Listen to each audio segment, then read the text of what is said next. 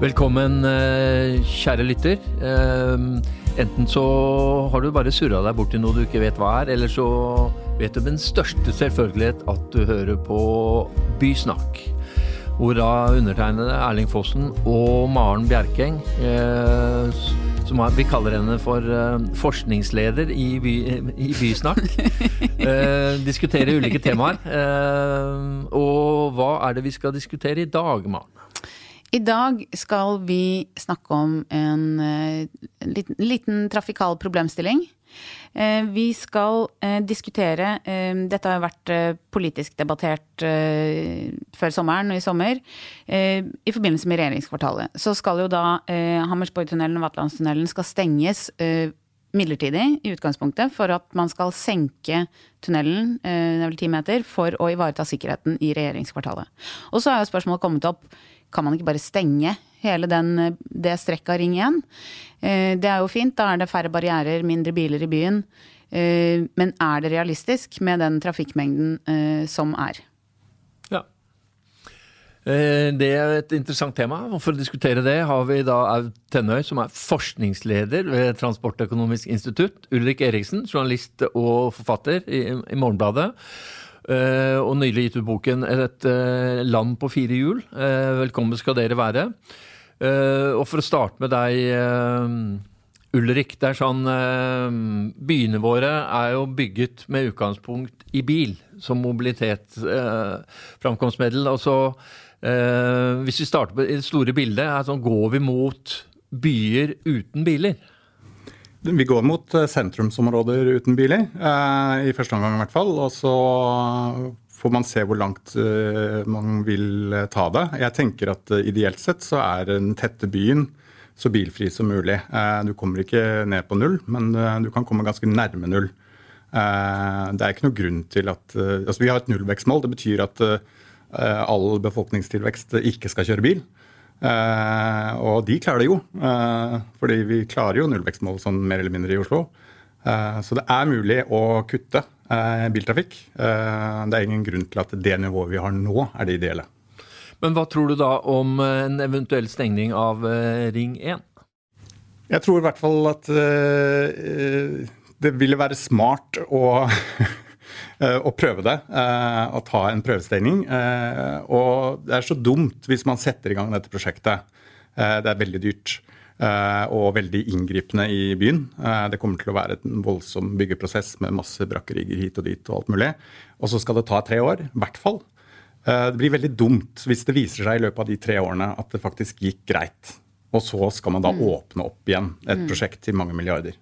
Eh, det er en bruk av offentlige midler som, og en bruk av byen som ikke er spesielt smart. Så jeg tenker i første omgang test det. Se hva som skjer. Mm. Uh, Aud Tennøy, det, det, er jo slik at når du først har fått en uh, tunnel i byen, så, så, har du litt problemer. For det er jo sånn at hvis det skjer noe da mulig ulykker den, så må du da sørge for at bilene kjører andre steder.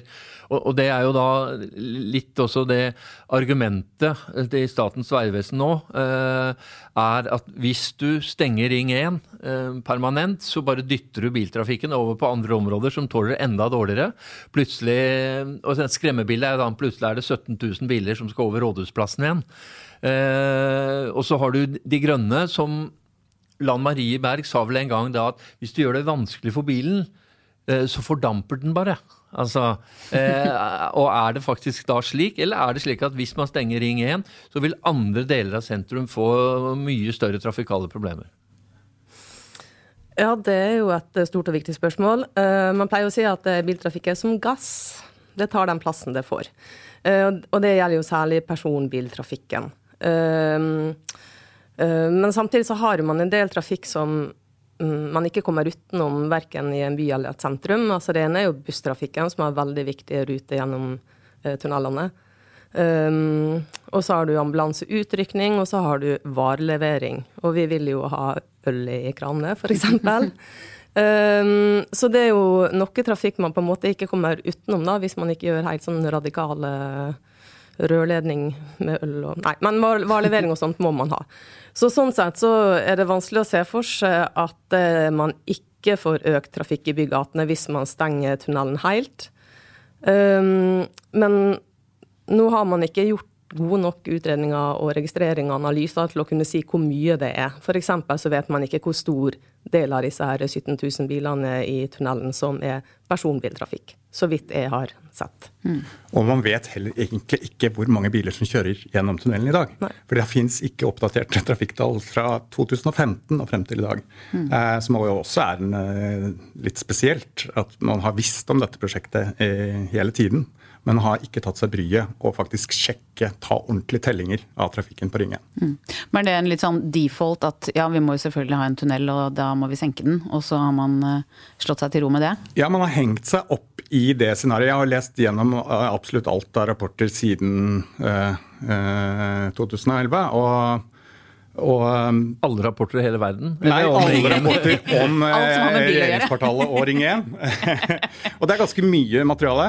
Uh, mye av det har vært hemmeligstemplet, og sånn, men har fått uh, ut etter hvert. Uh, og det er interessant å se hvordan scenarioene aldri ja, De har jo vært gjennom utrolig mm. mange forskjellige løsninger på hvordan denne tunnelen skulle løses. Mm. Men det har aldri vært snakk om å prøvestenge, eller stenge det, eller mm. se hva som skjer da. Eh, det har aldri vært et alternativ.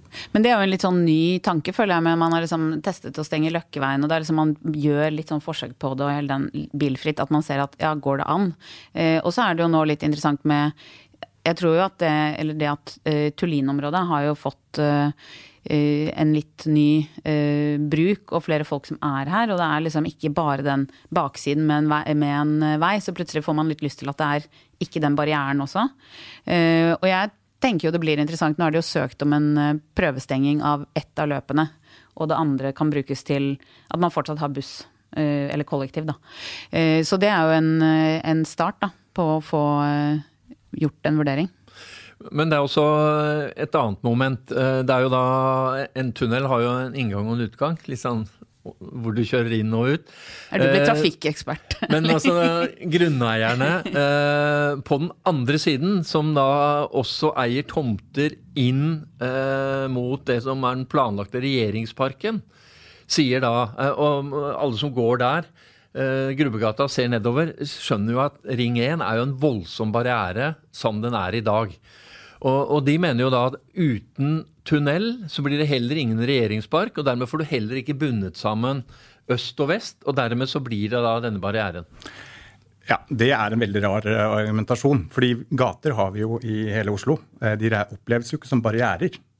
Eh, altså Hammersborggata. Og her er jo nedsenket òg, da. Hammersborggata var en bygate, det, helt til ringen ble, altså Henrik Ibsen-ringen ble etablert. Det som er ringen i dag. Eh, det fungerte som en helt vanlig bygate med butikker, alt mulig. Den er nedsunket, og det har laget et sånn eh, litt sånn dum eh, løsning med, med, med bro over og sånn. Men, men, det går an, hvis det her blir en ren kollektivgate, så kan den fint etableres som en fin bygate igjen. Det er bare å aktivere fasadene, det. Den blir attraktiv å gå i hvis det ikke er biltrafikk der. Så da trenger man ikke en park på toppen. Da kan det bare bli en bygate gjennom byen. Da får man egentlig en etasje til. Du, du, sier egentlig at man trenger ikke noe regjeringspark fordi man bare reetablerer Bygata? Ja. Det er interessant. Eh, mener du også det? det sånn, for hvis du ser ned nå altså Noen ganger så går jeg under der ved Arne Garborgs plass. Du går jo ikke der frivillig. Og, og du går jo ikke heller ned til Torgata der frivillig. Nei, men det, hvis du ser på bilder av Hammersborggata eh, fra 60-tallet, så, så, er det folkeliv i Hammersborggata. Og det var butikker langs den gata. Eh, og, og den var brolagt gate. Eh, altså den, den, er ikke ideell. Men mm. hvis nå brannstasjonen uansett skal rives, det, det er muligheter til å gjøre den gata bedre enn det den er. Og hvis det ikke går biltrafikk der, så vil den nok oppleves på en helt annen måte enn den gjør i dag. Der er jeg helt enig med Ulrik. Altså, det går virkelig an også å ta grep og gjøre andre ting. Og det finnes ganske mange eh, gater i byer i verden med Altså, gater med biltrafikk har jo også folkeliv. Det, det er ikke bare på Karl Johan det er folk i Oslo, f.eks. Mm. Men, men bare for å prøve å komplisere det ytterligere, da. Fordi eh, regjeringsparken er jo inne i det som heter trinn tre i byggingen av det nye mm. regjeringskvartalet. Og trinn tre er foreløpig nå strupa. Altså det er ingen mm. penger. Mm. Altså, og da får du jo et regjeringskvartal uten en avslutning. Mm. Altså det, det blir jo ikke et bra byrom der da. Det er jo en utfordring at man i de planene Eller det, det, er jo noe med det når man endrer en, et såpass stort grep i noe som har med eh, liksom, plassering av bebyggelse, eh, Y-blokka, hele diskusjonen rundt hvordan man har eh, orientert det området, så har det jo den, den, parken på en måte, Og også hvordan det blir offentlig tilgjengelig. Fordi det er jo en del av det som på en måte er i randsonen av sikkerhetssonen. Binder gamle Deichman med, eh, mot regjeringskvartalet. Så det blir jo en ville, det som kanskje er problemet, er jo at man kanskje ville tenkt det annerledes hvis det hadde vært planen fra starten av. Liksom, og da ville man vil kanskje byplangrepet sett annerledes ut også. Det ville det helt sikkert, men jeg syns ikke det er et godt argument mot å, å se på den muligheten. Uh, det blir helt rart hvertfall, hvis man stenger Ring 1 og så skal man bygge en svær park over luft. Skal man utnytte arealet under til noe annet? Det kunne man eventuelt gjort. Men jeg er for bygater. Oslos største sykkelparkering. Du er mot parker, du? Nei, men jeg syns at bygater er, har en bedre funger, De fungerer bedre til å knytte sammen byen enn en park. Det mener jeg. Og så er jo det at eh, Sånn sett så syns ikke det er et eh, valid argument at eh, vi må bygge park for at eiendomsbesitterne rundt skal få heve eiendommer på verdiene sine. Altså Det betyr jo at de er mer attraktive, og dermed også, som jeg tenker, er et godt tegn for byen. Men det at de skal tjene penger, kan ikke være noe godt argument for at staten skal bruke tre milliarder for å grave ned. Her er det sammenfallende mellom at vi lager en forbindelseslinje mellom vest og øst som i dag er fraværende. Ja, og det tror jeg man kan få til bedre enn i dag med forskjellige slags løsninger. Det må ikke nødt til å være akkurat den løsninga, men det har jeg ikke sett grundig på. Men mm. som, eh, som, Ulrik også var inne på, det er mange måter man kan gjøre dette her på sånn at det blir bedre enn i dag, uten at det er akkurat den mm. løsninga som man har tegna ut nå, da. Ja, og jeg tenker at det må jo være del av, altså Den problemstillingen her må være del av en sånn uh, utredning og vurdering. Uh, men jeg tror det er jo ikke, eller En ting er eiendomsverdien, men det er vel det at alle har lagt til grunn at dette er hovedgrepet vi forholder oss til. Eh, og så samtidig så er det jo en litt sånn kortslutning i argumentet at vi må eh, beholde bilene for å få en park. Mm.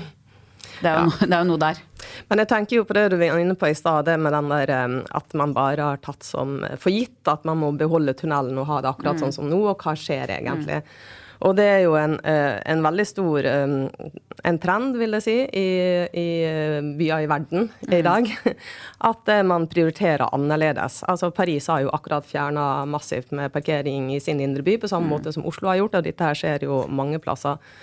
Men det man alltid kommer opp med når det er at man skal eh, gjøre endringer, sånn som når man begynte med endringene i sentrum i, i, fra 2015-2017 og utover, det er jo at man tror at det får massive negative konsekvenser. Mm. Og vi har vært inne og dokumentert bl.a. Det, som det som skjedde i Oslo sentrum, eh, eller ja, fra 17 til 19 i hvert fall. Uh, stengning av tunneler på Ringe 1 uh, og det ene med det andre. Og dette er også gjort andre plasser i verden. Og det som er helt gjennomgående, helt gjennomgående, er at man tror på forhånd at eh, de negative effektene og konsekvensene blir, for trafikken da særlig, blir mye større enn de blir. Mm. Og man legger til grunn at det er akkurat like mange biler skal kjøre der på akkurat samme måte eh, før etter man har gjort noe. Mm. Og det ser man også i transportmodellene, og sånn som jeg leser det Sveko har gjort, f.eks. i sin analyse, så bruker man det vi kaller fast matrise. Og da har man akkurat de samme bilene, og så kjører man det på et mm. veinett som er litt annerledes. Mm. Men det er jo ikke sånn det funker. Altså Folk tilpasser jo seg disse endringene. Og nettopp fordi det er sånn, så er det veldig interessant å få gjort grundigere registreringer av den trafikken som er der, og særlig hvor mye personbiltrafikk det er. Og det andre er at hvis man gjør prøvestengning, enten på den ene eller andre måten, så er det utrolig viktig at man sørger for å få gjort ordentlig dokumentasjon av hva som skjer. Ikke bare telle biler, men også med, med intervju, spør, altså dokumentere det ordentlig. Mm. Hvis ikke så vil ikke det fungere som et, eh, et mm. Eh, godt eh, beslutningsgrunnlag. Da vil mm. det være bare noen tall som man kan synse ut fra. Og det håper jeg virkelig de gjør, altså. Og så er det jo noe med å se på de andre konsekvensene også, ikke bare for bilene. Ikke sant? Absolutt. ikke minst for gående og syklende. Ja. Og det er jo det som gjør det veldig vanskelig. For hvis at man f.eks. kjører alle regionbussene gjennom Oslo sentrum og, og, ikke har en Ring 1, mm. f.eks. bare det, da, mm. så vil jo det være en ganske stor ekstra belastning på mm. bygatene. Mm. Uh, om den blir for stor, hvor den skal gå, hvor vanskelig det blir og hva man kan gjøre, det, det kan hende det går an å løse på gode måter, men det må jo man diskutere og utrede mm. grundig. Mm. Og ringvirkningene for altså, næringsliv rundt. Og det er jo mange, det er jo et mye større bilde her som kan være en, en annen positiv effekt. Da, selv om det Så det er jo noe med den litt tradisjonelle holdningen at uh, bilen skal fram. Ja, tunnel er bra, for da får vi bilene ned. og så har man på en måte ikke kommet så videre fra det, da. Det er jo der vi er nå. Ikke sant. Ja, og hvis man ser bare eh, helt kort, eh, hvis man ser på planene for Henrik Ibsen-ringen, som da het før den bare blir hetende Ring 1, så, så det, skulle det jo også bli en tunnel videre her i Pilstredet. Mm. Til, til, forbi Slottet. Slottstunnelen. Og den ble jo også vurdert som helt nødvendig. Mm. helt til langt ut på 90-tallet. Så, så hva, hvor skal man liksom slutte, og hvor skal man begynne med tunneler? Det kan man også Men det er også et, et annet moment som forkludrer dette her. fordi man liker jo å tenke at det er eh, rådhuset og fagetaten som driver med byutvikling i byen sin. Men her har vi staten inne. Eh, og rådhuset har ingenting å si i forhold til da stengninga av eh, Ring 1. Og Statens vegvesen foreløpig, de, de, sier jo bare det er ikke vår oppgave å drive med byutvikling i Oslo. Uh, og så sier de ja, er det inne i uh, Nasjonal transportplan, eller altså, Det er Bibelen vår. Altså, altså hvordan får man Statens vegvesen uh, med på denne egentlig også en byutviklingsdebatt? Altså, å, oh, dette er mitt Jeg vet ikke hvor jeg skal begynne engang. Eh, altså det, skandalen her er jo at Statens vegvesen er statens viktigste byutviklingsetat. Eh, eh, og, og, de kan ikke byutvikling. Eh, og er ikke interessert i byutvikling. Eh, så det er liksom der, der skoen trykker. Eh, Statens vegvesen kan på en måte ikke noe for at ikke de kan det. det men det trengs noen andre for å styre dette her. Staten kan ikke eh, overlate så viktige byutviklingsgrep og så viktige byutviklings... Eh, altså, dette er enormt viktige ting for eh, Oslo og andre byer også, som blir overlatt til en etat som absolutt ikke kan byutvikling. Og det er tragisk, rett og slett. Og jeg vil jo si at Dette handler jo også mye om målkonflikter. da. Fordi at Statens vegvesen har jo litt andre typer overordna mål om fremkommelighet for, for gods og altså flyt i trafikken, da, som passer litt dårlig med by, for i by så har jo man ikke flyt i trafikken. Og dette her er et gjennomgående problem i veldig mange ting. og Problemet vi kaller noen ganger labler det sånn når eh, Statens vegvesen møter byen, så da blir det ofte problemer. Det er helt sant. Vi har jo vært og diskutert noen andre ting mm. Andre saker med det samme. Men, men, det jeg også ser da, uh, i byutviklingen, altså når Statens vegvesen har en innsigelse, da er stort sett prosjektet dødt. Ja. Eh, også, men så tenker jeg også Eh, I eh, samferdsel- og transportkomiteen så sitter det bare folk fra andre fylker enn Oslo. Fordi det er der man skal inn for å få de store veimilliardene til fylket sitt. Eh, og dermed ser jeg at Det man klarte, Erling La klarte å være byrådsleder, altså i forbindelse med Operaen så fikk man jo laget tunnel. Framfor at motorveien gikk forbi Operaen. Men det han måtte gjøre da, var å spille staten mot staten. For da var det Kulturdepartementet og da, du kan jo ikke legge en opera, ha en motorvei på siden. Og så ble de enige om det. Og så måtte man få den statlige konflikten, da. Men hvordan skal man klare å uh, få det politiske flertallet til faktisk å se på muligheten av å gjøre noe med Ring 1?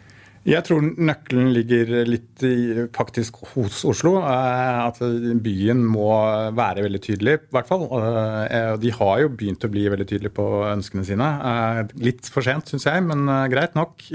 Men legge press der. Og så er det det som er det vakre nå. På en måte litt tragisk òg, at vi på en måte må kutte i samferdselsmilliarder. Men det er den perfekte stormen eh, dette prosjektet kan Det er det som kan gjøre det. At dette faktisk ikke blir noe av. Fordi nå er tiden for å kutte. Mm. Og det er noe som Stortinget gjerne kan være med på uh, i den situasjonen vi er i nå. Så, og der er det et ekstra argument. da. Akkurat nå så må vi kutte masse klimagassutslipp. Og hvis noen tar og regner på hvor mye CO2 det koster å bygge den tunnelen, mm. Da blir det nok mer CO2 enn det bilene kommer til å produsere. Det koster enormt mye CO2 å bygge vei, særlig tunnel. Men da er vi egentlig eh, Er vi omforent allerede, egentlig? Ja, altså, vi, vel, uh... vi, må gå inn for prøvestilling. Alt annet ja. er galskap. Ja. Og det er jo der, det er det som er første skrittet. Og så må men, man gjøre alle de nødvendige utredningene. Men dere tror, eh, eller håper ikke, at tunnelen blir bygget?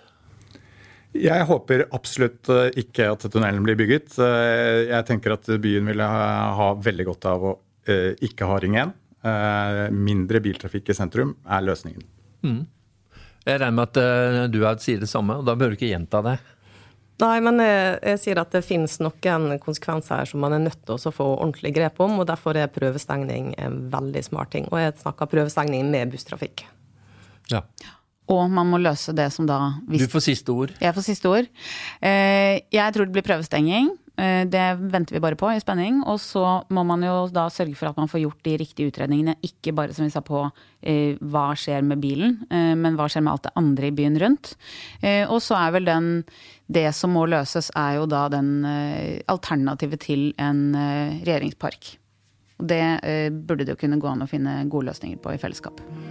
Suverent. Eh, takk for at du kom. Eh, Ulrik Eriksen, Aud eh, Tennøy, takk til deg som eh, hørte på. Vi er eh, veldig snart tilbake, og da gleder jeg meg til hva Maren drar opp av godteposen igjen. Men takk for i dag.